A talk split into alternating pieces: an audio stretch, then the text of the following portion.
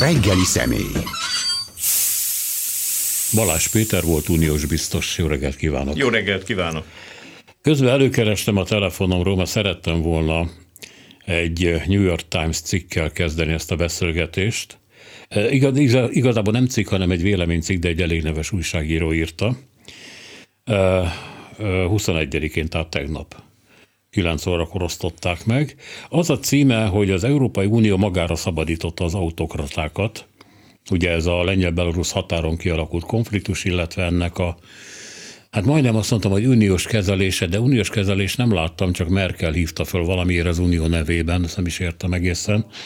Lukasenkót, és valamiről tárgyalt, amiről szintén nem tudjuk, hogy micsoda. És azt írja ez a újságíró, hogyha az Európai Unió engedi, hogy a halál és a szenvedés alaphelyzet legyen a határai mentén, akkor még jobban elmosodik a választóvonal az unió és a tekintély uralmi rezsimek között. Ezt írja, és még egy mondat, ami már másról szól, és tökéletesen szembe megy ezzel a mondattal. Európa végzetes alkut kötött az érintett tekinti uralmi rendszerekkel, mert rávezette őket, miként kell megzsarolni az uniót a migránsokkal.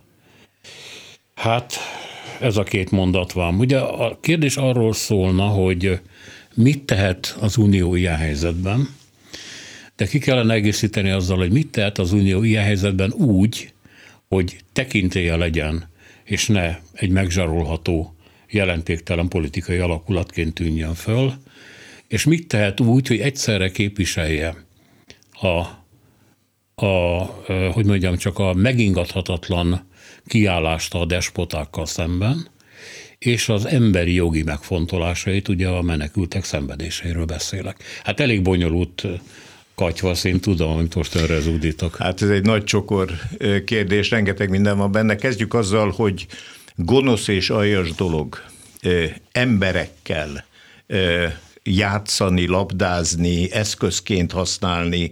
Ezt csinálta most Lukasenka, és Belarusba hívott, csábított, szállított menekülőket.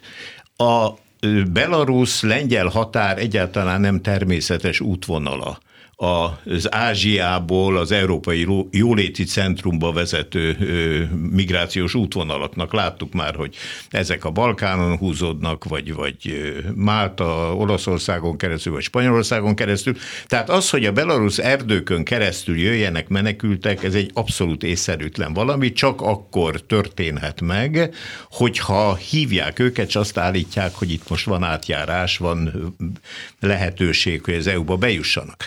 Ez egy szervezett akció volt, ha Merkel telefonált, már pedig ugye ő még mint ügyvezető kancellár próbált lépni, nyilvánvalóan arról beszélt, hogy, hogy állítsák le, és ne nyomják rá a, a lengyel határra ezeket a szerencsétlen embereket, és ne hagyják őket a szabadban mínuszfokok mellett éjszakázni családokkal, gyerekekkel. Ilyenkor az EU-nak a rábeszélésen kívül még egy eszköze van, és ez a pénz, hogy, hogy hozzájárulnak ahhoz, hogy szállítsák vissza Irakba, vagy ahonnan jöttek, ez meg is kezdődött egyébként. Már a német... Ez már uniós pénzből megy? Ezt még nem tudjuk, én feltételezem. Tudni, Mert valami 400 ember hazaszállításáról volt szó. Így van. A német, egyik német csatornán láttam egy, egy hatalmas repülőgépet megtöltve emberekkel, és ott páran nyilatkoztak is, hogy, hogy ők, a, ők csalódtak ebben, és a hideg helyett inkább hazatérnek a, a hazájukba.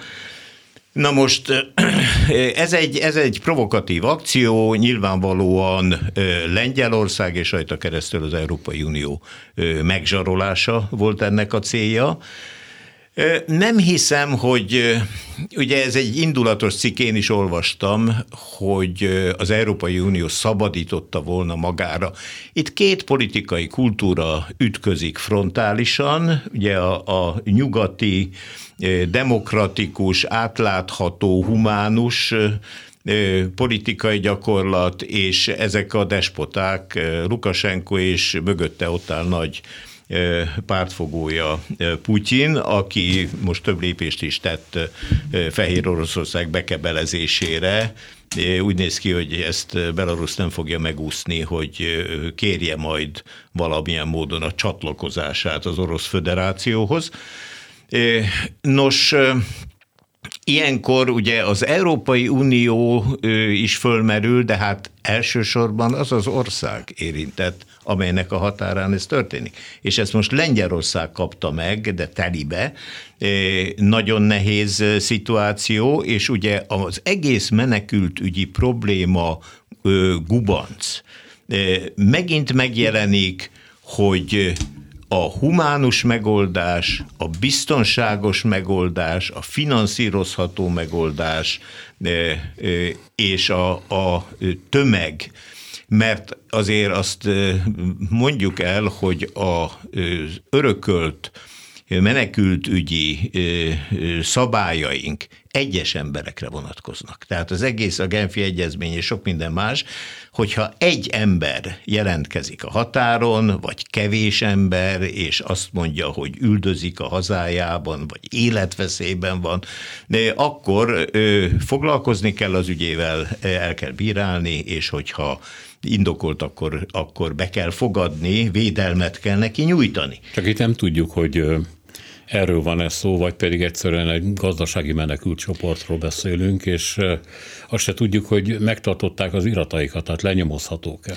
Hát ugye ezt 2015 óta már többször megtapasztaltuk, akkor a legnagyobb mennyiségben, többféle indítékú ember van ilyenkor egy ilyen tömegben, és az elmúlt években megint megerősödött az a tendencia, ami mindig is volt, hogy az emberek a jóléti jövezetek felé mozognak. Hát ugyanezt látjuk Közép-Amerikában, megindulnak az USA irányába.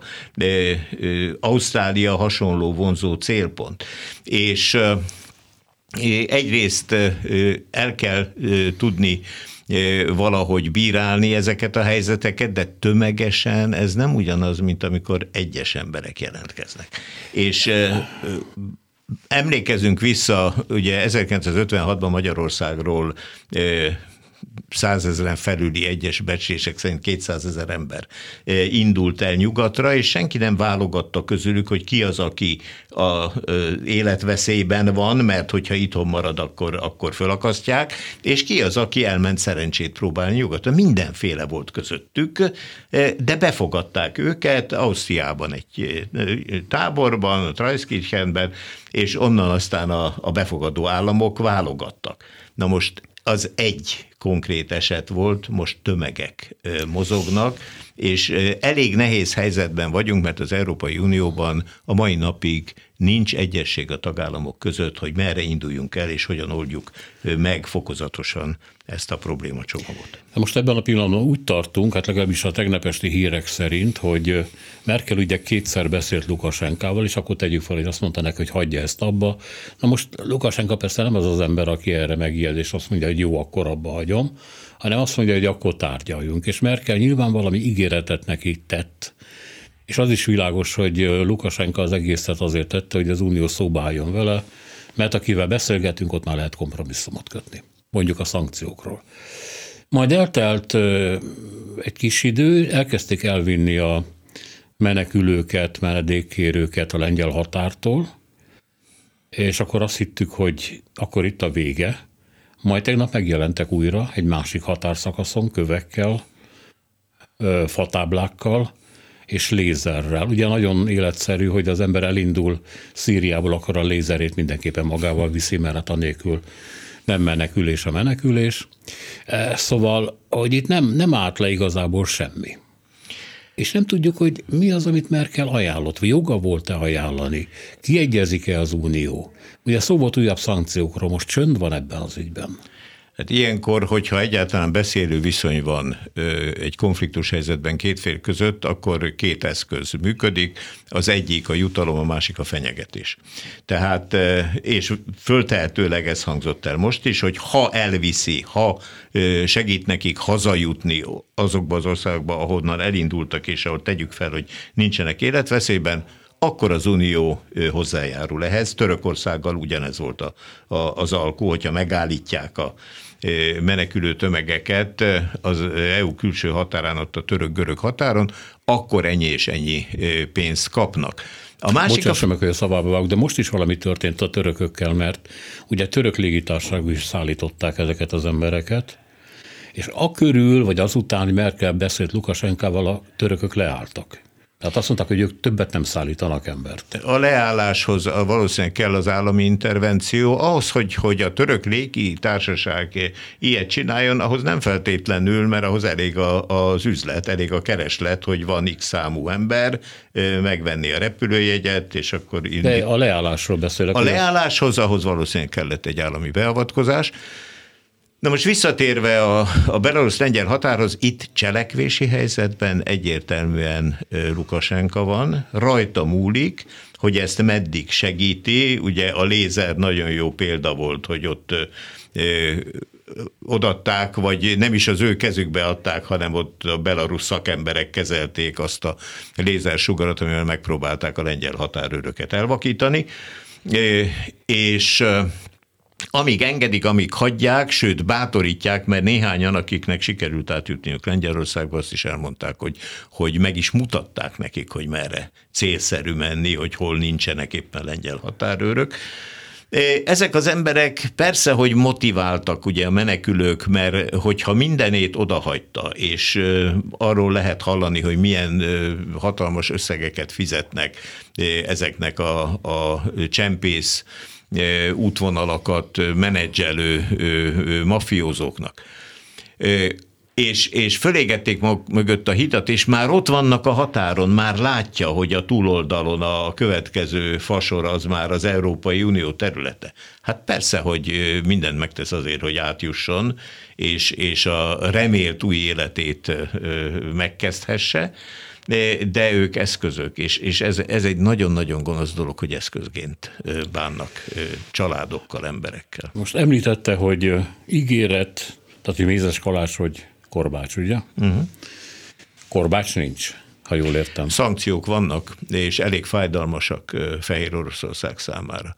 Tehát az, hogy, hogy nem vesznek át tőle árukat, ugye bolykottálnak árukat, az, hogy nem engednek oda teszem azt fejlett technikát, eh, amit nyugatról tudna beszerezni, eh, aztán egyes vezetőknek a, a bankbetéteit eh, befagyasztják, és elég fájdalmas intézkedéseket lehet hozni. Ugye az Európai Unió, mint hogy közös külpolitikája nincsen, ezért azokkal a politikákkal tud operálni, ami működik, és ezek a gazdaság területén működnek, tehát export-import szabályozás, segélyek, ezek hatnak, és hát azért az Európai Unió ezekben erős, és itt tud olyan eszközöket választani, amelyek érvényesülnek. Visszatérve ennek az amerikai újságírónak a kérdéséhez, és, és ahhoz a mondatához, hogy hát Lukasenko kezében van ez a dolog, hogy meddig használja ezeket a szerencsétleneket, és hát ugye erkölcsi agályai nincsenek, tehát a végtelenségig. Ha leülnek tárgyalni, és enyhítenek a szankciókon, az milyen Európai Unió lesz? Tehát az egész imázsa, az önmagáról alkotott képe, vagy a különféle tagállamokkal folytatott vitája, mondjuk jogállami vagy emberiességi elvárásokról, keretekről, a diktatúrák elutasításáról, stb. stb. ez nem lesz hiteltelen? Én azért húznék egy éles vonalat a, a belső normák és, és a külkapcsolatok között. Tehát egy dolog az, hogy a saját rendszerén belül ő milyen célokra szerveződik egy szövetség, mit vár el vagy követel meg a saját tagjaitól, és itt az Európai Unió a világon az egyik legmagasabb követelményrendszer támasztja, nem biztos, hogy érvényt tud neki szerezni. De ugye ezt a saját bőrünkön is tapasztalhatjuk. És más dolog az, hogy külkapcsolatokban Persze, hogy hangot kell adni bizonyos normatív követelményeknek, tehát szóvá kell tenni azt, hogyha emberi jogok sérülnek, vagy közösségek önrendelkezése sérül, és hasonlók, de kereskedni sokféle rezsimmel lehet, és attól még nem kell átölelni őket és, és barátkozni velük, hanem különbséget tenni. Tehát meg lehet tartani azokat a a morális és politikai távolságokat, amelyek jelzik a viszonyt az illető partnerhez. De ugye Kínával is sokan kereskednek, de nem biztos, hogy a kínai kommunista párt irányvonalával egyetértenek. Tehát ez nem szükségszerű. A világ így működik, hogy, hogy az adásvétel az egy dolog, és aztán a barátkozás, netán a szövetségkötés az, az nagyon messze húzódik ettől.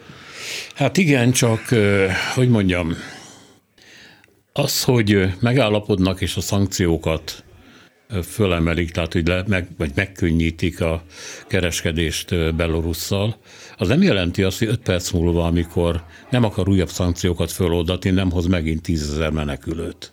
Tehát egy fegyvert, ha egyszer kipróbáltak és elsült, tehát akkor fogja többször próbálni. Tehát nem hiszem, hogy ennek az embernek van hitele, nem hiszem, hogy ezzel az emberrel meg lehet állapodni. Putyinnal se gondolom, hogy meg lehet állapodni igazából, mert ők a saját logikájuk szerint működnek. De ezt mondjuk európai oldalról tudjuk jól, és annak megfelelő lépéseket kell tenni. Hát ott kell megállítani a kapcsolatot, ameddig valóban egyensúlyban van.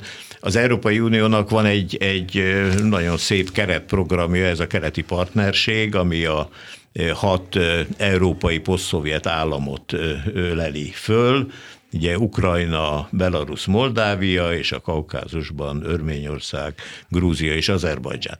Na most ezeknek rengeteg lehetőségük van, hogyha az EU normái szerint viselkednek, és akkor közeledhetnek. Ennek jó példája Ukrajna, jó példája Grúzia, jó példája Moldávia, negatív példája említett Belarus, ugye, amely az orosz vonalhoz megy, Örményország kénytelen, kelletlen, ugye a hegyi karabaki konfliktus miatt rászorul az orosz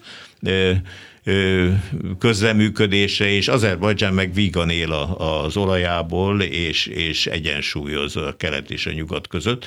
Úgyhogy ez egy érdekes keretprogram, Belarusnak is volna benne helye, vannak is hívei, de hát Belarusban olyan kiélezett a belpolitikai helyzet, ugye az ellenzék igen szimpatikus vezérei, történetesen női vezérek vannak most előtérben.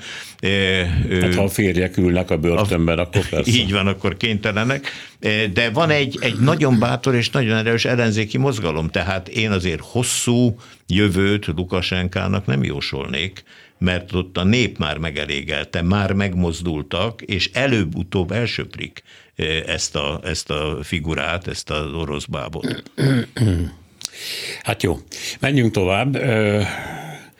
Lengyelországgal kapcsolatban több médium megemlítette, hogy ugye az Unió nagyon szépen felsorakozott Varsó mögött ebben az ügyben, és valóban elfogadták, hogy Lengyelország az Európa határait védi, és hát ez tűrhetetlen, amit Lukasenka csinál valóban, és hogy Brüsszel teljesen szövetségben van Varsóban ez ügyben. De közben Brüsszel meg Varsó között rengeteg probléma van, jogállami eljárások, ugye pénzvisszatartások, illetve Varsó esetében napi egy millió eurós bírság van. Bocsánat. Azért, mert nem hajtották végre az Európai Bíróság ítéletét,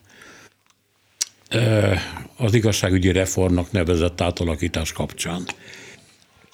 Fölhasználhatja-e Varsó ezt az egész helyzetet arra, hogy, hogy kicsit enyhültebbé tegye Brüsszelt magával szemben?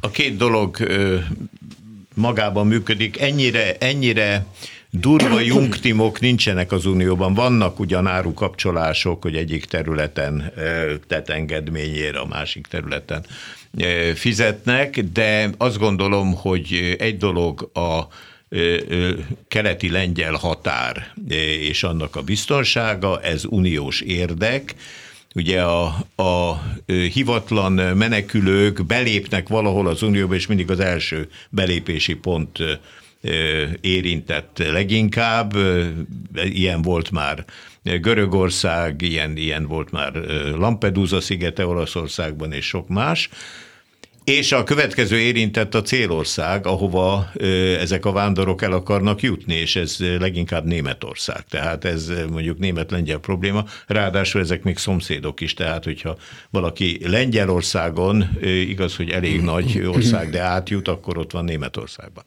Na most ez egy dolog.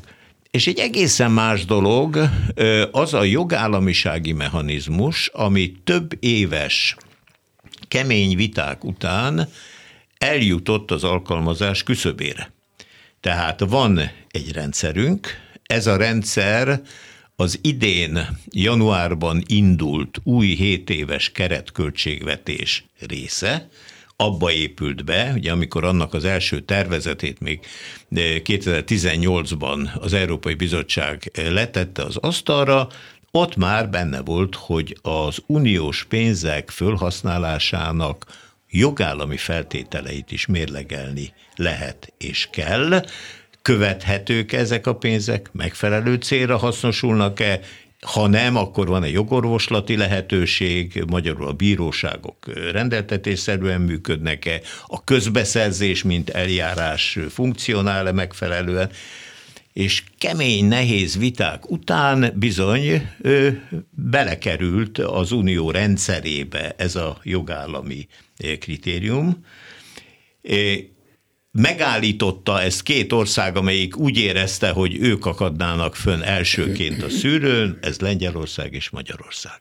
Ugye tavaly decemberben, most már ides tovább egy éve, amikor a, az évzáró nagy csúcsértekezleten a kormányfők erről vitatkoztak, ketten egy időzített bombával fenyegettek, vétózni akarták az egész 7 éves költségvetés, ami ráadásul most több is, mint egy szokásos 7 éves költségvetés, mert hozzá kapcsolták a helyreállítási csomagot. Tehát a járvány miatt egy igen jelentős összeggel, 750 milliárd euróval még meg is fejelték ezt a költségvetést, ami gyorsan föl is használható és akkor jön két állam, és azt mondják, hogy az egészet megállítjuk, a vészféket meghúzzuk, ha minket bármilyen módon vizsgálni akarnak. Nem hagyjuk magunkat vizsgálni. Megint Angela Merkel, ugye történetesen akkor német elnökség volt, és ő annak az ászlaja alatt a lengyelekkel megegyezett. Nem Orbán Viktorral tárgyalt, hanem a lengyel kormányjal, és vele kötött egy egyességet, és ugye a magyar kormány egyedül maradván már nem tartotta fönn a vétőt, mert kilátástalannak tartotta. Nos, és akkor ilyen utolsó, kicsit arcuk mentését célzó lépéssel a magyar és a lengyel kormány azt mondta, hogy mi azért még megkérdeznénk az Európai Bíróságot Luxemburgban, hogy lehet-e ilyen föltételeket támasztani, és megkérdezték. Erre a válaszra várunk pillanatnyilag, és az Európai Bíróságnál az eljárás úgy megy előre, hogy az egész ügyet egy úgynevezett főtanácsnok földolgozza, elemzi és készít egy állásfoglalás tervezetet. Ez a főtanácsnoki vélemény. Ez valószínűleg még decemberben megjelenik és a végleges ítélet, ami jövő év elején születhet meg, nagyon ritkán tér el ettől a főtanácsnoki véleménytől. Tehát most azzal számol nagyon sok ember, magam is azzal számolok, hogy, hogy ez pozitív lesz, tehát azt fogják mondani, hogy igen, kérem, az unió jogrendjével összefér ez a jogállami eljárás, tessék szépen végrehajtani. Igen. Ezzel együtt az ember gyakran bele gyakran találkozik azzal, hogy miközben az Európai Parlament, ami ugye egy ilyen vitaklubnak van gúnyolva, jobb oldalról, tehát, hogy mindenféle tét nélkül lehet mindenféleket össze-vissza beszélni. Tehát az Európai Parlament gyakran támadta és fenyegette is az Európai Bizottságot azzal, hogy pert indít ellen, hogyha sokáig halogatja a jogállami mechanizmus beindítását, miközben az Európai Bizottság természetesen nem egy ilyen ennyire önálló testület, és sokban függ a, a Európai Tanástól, tehát a gyakorlati hatalmat képviselő állam és kormányfőknek a, a testületétől, vagy megpróbál mondjuk így egyensúlyt tartani a két intézmény között. És hát sokan mondják, hogy igazából amit elindít, az az uniós pénzekre vonatkozik, és nem azokra a normákra, amikkel kapcsolatban mondjuk Magyarországon a liberális vagy baloldali ellenzék úgy nagyon számítana. Tehát nem a sajtó szabadságáról van szó, nem arról van szó, hogy, hogy mondjuk az önkormányzati jogköröket hogyan vonják el, hogy mi történik az egyetemeken, nem akarom most fölmondani, hanem csak az uniós pénzekkel kapcsolatban. És ugye éppen ez a pénz van visszatartva most ebben a pillanatban. De jött egy két nagy csomag most, július-augusztusban, meg most októberben, novemberben, nagyon sok pénz, több mint 800 milliárd forint, kb. több mint két milliárd euró. És a kérdés az, hogy ezekkel a pénzekkel kapcsolatban az Unió már egy sokkal szigorúbb rendszert érvényesíte. Hiszen ugye Orbán azért nem akarta az alacsony kamatozású pénzt elfogadni, mert azzal is nagyon kemény ellenőrzés járt volna. Én azt gondolom, hogy igen erős a politikai szándék az Unióban a tagállamok nagy többsége részéről, és köztük vannak az Uniót finanszírozó tagállamok. Mert a manna nem az égből hullik, hanem az bizonyos tagállamok befizetik. Vannak nettó befizető és nettó kedvezményezett országok és egy nettó befizető, mint például Németország, mint a legnagyobb finanszírozó, körülbelül a negyedét fizeti az összes uniós költségnek, szereti tudni, hogy mi történik a pénzével. És ez kormánytól független, mert ezt a Bundestag és a közvélemény is megkérdezi, hogy hova lesz a mi pénzünk, az a plusz, amivel mi többet fizetünk be, mint amennyit visszakapunk. És vannak nettó kedvezményezett országok, köztük Magyarország, Lengyelország, amelyek sokkal, de sokkal többet kapnak, mint amennyivel ők hozzájárulnak. Na most persze hallani olyan hangokat, hogy ez nekünk jár akkor jár, hogyha ennek a szövetségnek a szabályai szerint cselekszünk, és a szerint használjuk fel a pénzeket. És ez billent meg, és itt fogyott el a türelem, mert egyre több konkrét eset került napvilágra, és egyre kevesebb olyan eset történt, amikor az Unió csalás elleni hivatala, amit Olafnak rövidítenek, fölhívta a figyelmet, figyelmeztette például Magyarországot, és nem történt utána vizsgálat, vagy hogyha nagyon bűzös volt a dolog, akkor egész egyszerűen kivonták az uniós körből, és a magyar költségvetéssel finanszíroztatták meg azt az ügyletet.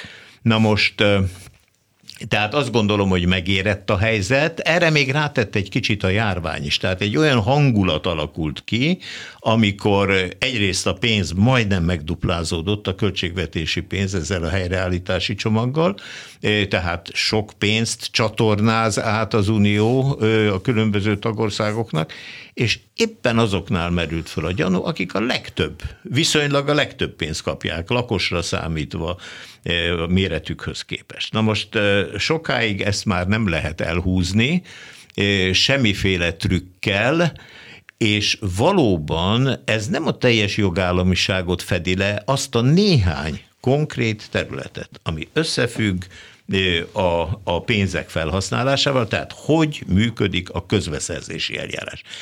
Most a napokban kapott levelet kérdésekkel a magyar kormány az Európai Bizottságtól, és abban például benne van, hogy, hogy ki, kik nyerik ezeket a közbeszerzésen, kik a legnagyobb nyertesei, vagy mely, melyik a tíz legnagyobb cég, amely az agrártámogatásokból részesül, és hasonló nagyon konkrét kérdések, úgyhogy ennek előbb-utóbb a végére fognak járni, és nagyon sokáig nem lehet úgy potya utazni az Európai Unióban, hogy semmit nem tartunk be, de mindent elvárunk, hogy, hogy adjanak, amit csak adhatnak. Ez a pénz, ugye, amiről beszélünk, ez a vissza nem fizetendő támogatás. Ezzel kapcsolatban kapott levelet Varsó és Budapest, amit meg kell válaszolni egy hónapon belül. és ettől függ, hogy a Európai Bizottság jóvá hagyja-e ezeket.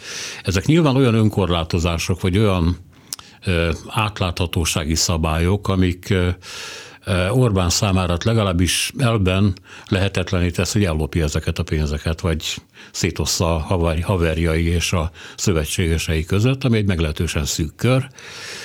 De hát úgy tűnik, hogy megéri rizikózni neki, mert az utóbbi időben annyi pénzt szivattyúz ki Magyarországról, éppen külföldre is, vagy különféle átláthatatlan alapokba, aminek lehet persze az egyik magyarázata, hogy ő maga is kormányváltásra készül, és akkor be akar spájzolni. Hogy föltehető az a kérdés, hogy nem vállalja ezt a rizikót el mégis. Vagy úgy gondolja ön, hogy nem éri meg neki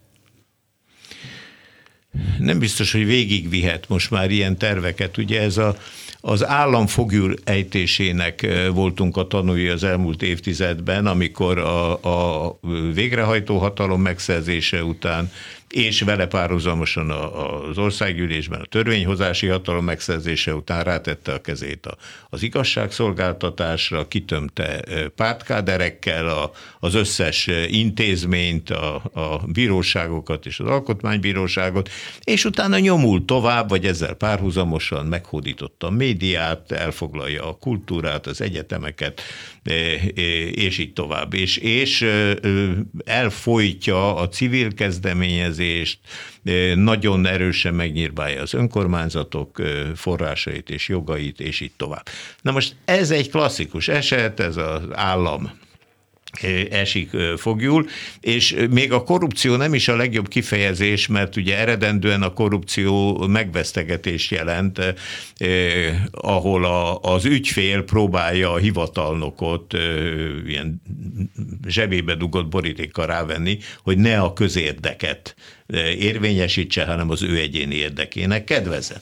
Ez ugyanez nagyban, és itt már nem kell senkit megvesztegetni, itt az egész hatalom erről szól. Ez egy külön tanulmány, és többen próbálják ezt megfogalmazni és definiálni, mert valóban a, az uniós pénz szagára szerveződött ez a fajta maffia, mert olyan tömegű pénz állt hirtelen rendelkezésre az EU csatlakozás révén, amilyet Magyarország külső forrásként még nem látott.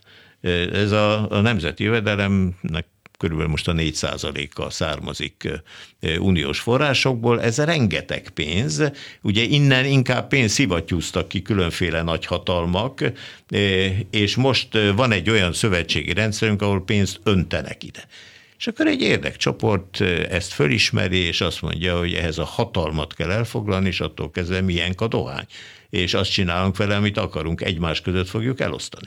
Na most ebből kezd elege lenni az embereknek, ez nem egyedi magyar eset, például Bulgáriában ezen bukott meg Borisov kormánya, és úgy néz ki, hogy most ott egy új koalíció formálódik, amelyik pontosan az uniós pénzeket próbálja az ország javára fordítani. Lengyelországban inkább a politikai hatalom megszerzése a cél, és kevésbé lopnak, legalábbis ilyen nagy nyilvános műveletek keretében, de sokat tanultak Orbántól, hogy hogy lehet az államot úgy használni, ahogy az a szűkebb csoport érdekében áll. A dolog megy előre, és, és én azt gondolom, hogy ez most már megállíthatatlan, itt megindulnak a vizsgálatok, és ugye a kérdése konkrétan válaszolva vagy beadja a derekát a jelenlegi magyar kormány, és hajlandó egy tisztább helyzetet teremteni, vagy elzárják a pénzcsapot. Harmadik megoldás nincs. Hát igen, de erre készülve Orbán olyan mennyiségű kölcsönt vett föl az ősz elején, hogy hát, hogy mondjam, sok vihat látott közgazdászok csak így néztek kifelé a fejükből, hogy itt még az ükunakák is el lesznek adósítva, és hát ez, ezzel a pénzzel szórja meg az országot a választás előtt, mondván, hogy nem kell nekem a uniós pénze. Én hatalmon maradok, akkor majd megpróbálom kinőni, vagy majd adókat emelek. Ha meg jön egy másik kormány, akkor meg a nyakába szakad az egész. Hát ezek nemzetellenes cselekedetek. Ugye az, hogy a... Ez, nem hiszem, hogy sokat számít ez nála, hogy ez így most hogy minősül.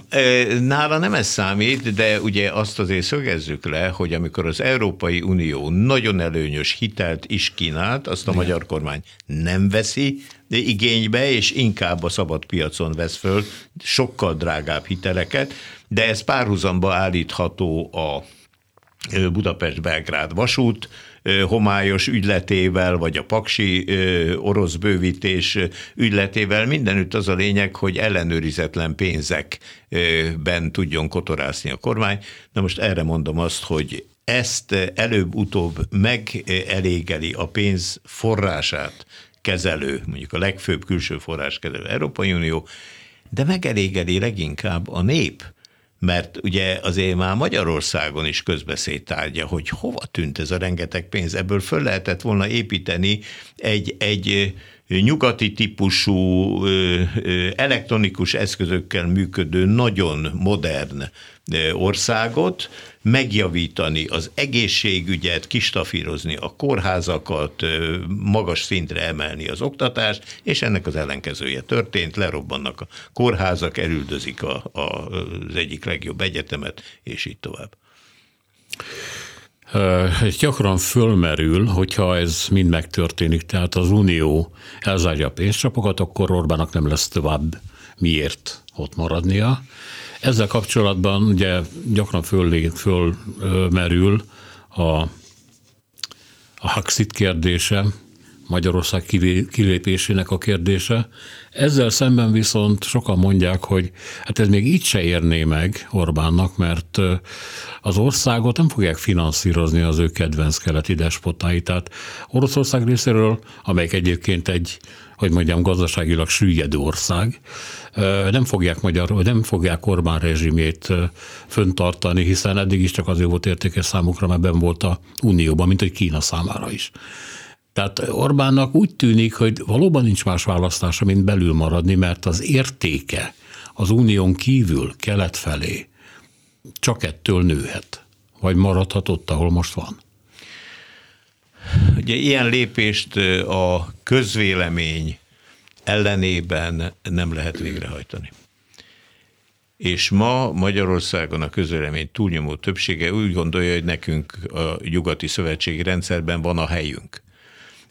Százezrek mentek el, nem tudjuk pontosan mennyi, de félmilliónál is többet becsülnek.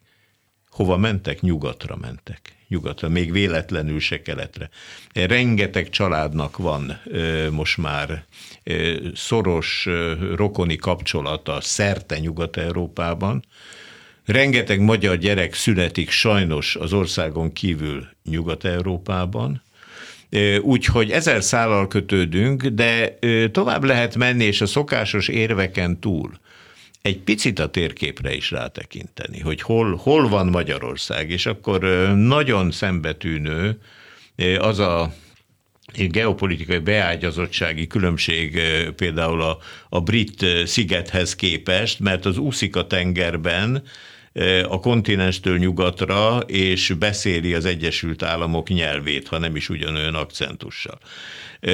Magyarország egy tipikus szárazföldbe zárt ország, ugyanúgy, mint Szlovákia, Ausztria és még egy páran, amelyiknek a külpolitikája első lépésben a szomszédaihoz kapcsolódik. Nekünk most hét szomszédunk van, soha ennyi nem volt egyébként a, történelem során hét állami keretbe foglalt szomszédok, akik egyébként a népek mindig is itt éltek egymás mellett, és hogyha körülnézünk, Pillanatnyilag két szomszédunk nem tartozik az Európai Unióhoz, Szerbia és Ukrajna. Az összes többi oda tartozik. Na most, ha, ha Magyarország e, e, kilépne ebből a szövetségi rendszerből, mondjuk az EU és a NATO transatlanti szövetségi rendszeréből, akkor hirtelen egy ilyen bantusztán lenne, egy, egy körbekerített rezervátum, ahol a szomszédok többsége boldog tagja egy közösségnek, közülük többen az euróövezetnek is, például Szlovákia, például Ausztria és mások, úgyhogy elszigetelődne, ez, ez elképzelhetetlen, mert olyan rendszereknek vagyunk a tagjai, közlekedési rendszereknek, utak, vasutak, energiarendszereknek, hírközlési rendszereknek, amelyek mind bekötnek minket ebbe a közép-európai térségbe, nem beszélve a határon túli magyar kisebbségekről, a hozzájuk fűződő családi, rokoni kapcsolatokról, Úgyhogy én azt gondolom, hogy ezzel a gondolattal még játszani se szabad. Megjelent egy ilyen diktált cikk még valamikor az év elején, hogy most már erről kéne beszélni. Igen, Orbán igen. egyik tolnoka eresztette meg, én reagáltam is rá egy, egy írásban, és ezeket úgy, úgy el lehet mondani, de legfontosabbnak azt tartom, hogy közvélemény, közvélemény nagyon erősen Európa párti. Voltak éppen belegondoltam, hogy miért is? Hát ha ennek a pénznek, ami bejön az Európai Unióból, annak nagy része eltűnik a túlárazások formájában, ugye? Tehát magyarán ellopják. Más része presztis beruházásokra megy, tehát a várbazár felújításától kezdve a vár totális újjáépítésig, ami látható, fotózható, bemutatható. A nyomor marad a végeken. A, hiszem, hogy a, a középosztály jelentős része ebből olyan különösebben profitál. Nem, tehát hogy a nép, amit a népnek nevez, tehát hogy a lakosságnak az a része, amelyik többségében támogatja az uniót, az olyan nagyon sokat nem kap ebből. Valóban ebben a körforgásban, ahol, ahol eltérítik más közpénzekhez hasonlóan az uniós forrásokat, és, és ez elveszíti közpénz jellegét, és magánzsebekbe vándorol, magánprofit lesz az uniós pénz igen jelentős részéből, és mellőzhető, vagy kifejezetten fölösleges beruházások, ugye térkövek, és ismerjük ezeket. Hát igen, ha, nem tudom, hogyha követi mondjuk hatházi Ákosnak a fotosorozatait, mert ő járja az országot. Hát elképesztő szélerőművek üres helye. Azt mondja, egy termárfüldő, egy WC bódé, ugye vidéken. Ezt a helyi lakosok látják, és nem egy van, nem kettő, ezrével vannak ilyenek, és a helyi lakosok tudják, hogy melyik cég, melyik embere lopta ezt el két sok százmillió forintokat helyben. Hát ez az első probléma, hogy olyan... Tehát és, olyan... és mégis azt mondják, hogy ez az unió jó nekünk, minek? Hát nem látnak belőle semmit. É, igen, jó lenne, hogyha egy normális kormányzat arra használná, amire amire kell. Itt tíz év az életünkből elszökött azzal, hogy, hogy rengeteg forrás nem arra hasznosult, amire kellett volna hasznosítani. Ugye ezt már egyszer említettük a mai nap folyamán, hogy, hogy például jön a járvány, és, és színvonalas egészségügyi rendszerrel fogadhattuk volna ezt, ezt a hirtelen megterhelést, vagy, vagy az iskolákat, hogy lehetett volna fölfejleszteni, ehelyett kaptunk egy klikket, egy szupercentralizált, nagyon bürokratizált rendszert, és így tovább, tehát a munkaerő átképzése, struktúraváltása az iparban, magyar kis- és középvállalatok fölemelése, és még nagyon sok mindent lehetett volna csinálni, és még tovább is tudnék menni, mert a Budapest-Belgrád vasút helyett az unió pénzéből lehetne fejleszteni a közlekedési hálózatunkat, nagyon sok eszköz áll rendelkezésre, mások jobban élnek velük. Úgyhogy ez is fölkerül arra a bűnlajstromra, amit egy következő választáson a, a mostani kormány fejére lehet olvasni. Köszönöm szépen, hogy itt volt velünk. Balázs Péter uniós biztos volt, volt uniós biztos volt a vendégünk az elmúlt egy órában. A műsor készítői Balogh Kármen, Bencsik Gyula, Priátyel Bence és Selmeci János, valamint Szénási Sándor köszönjem a reggeli figyelmüket is. Minden jót!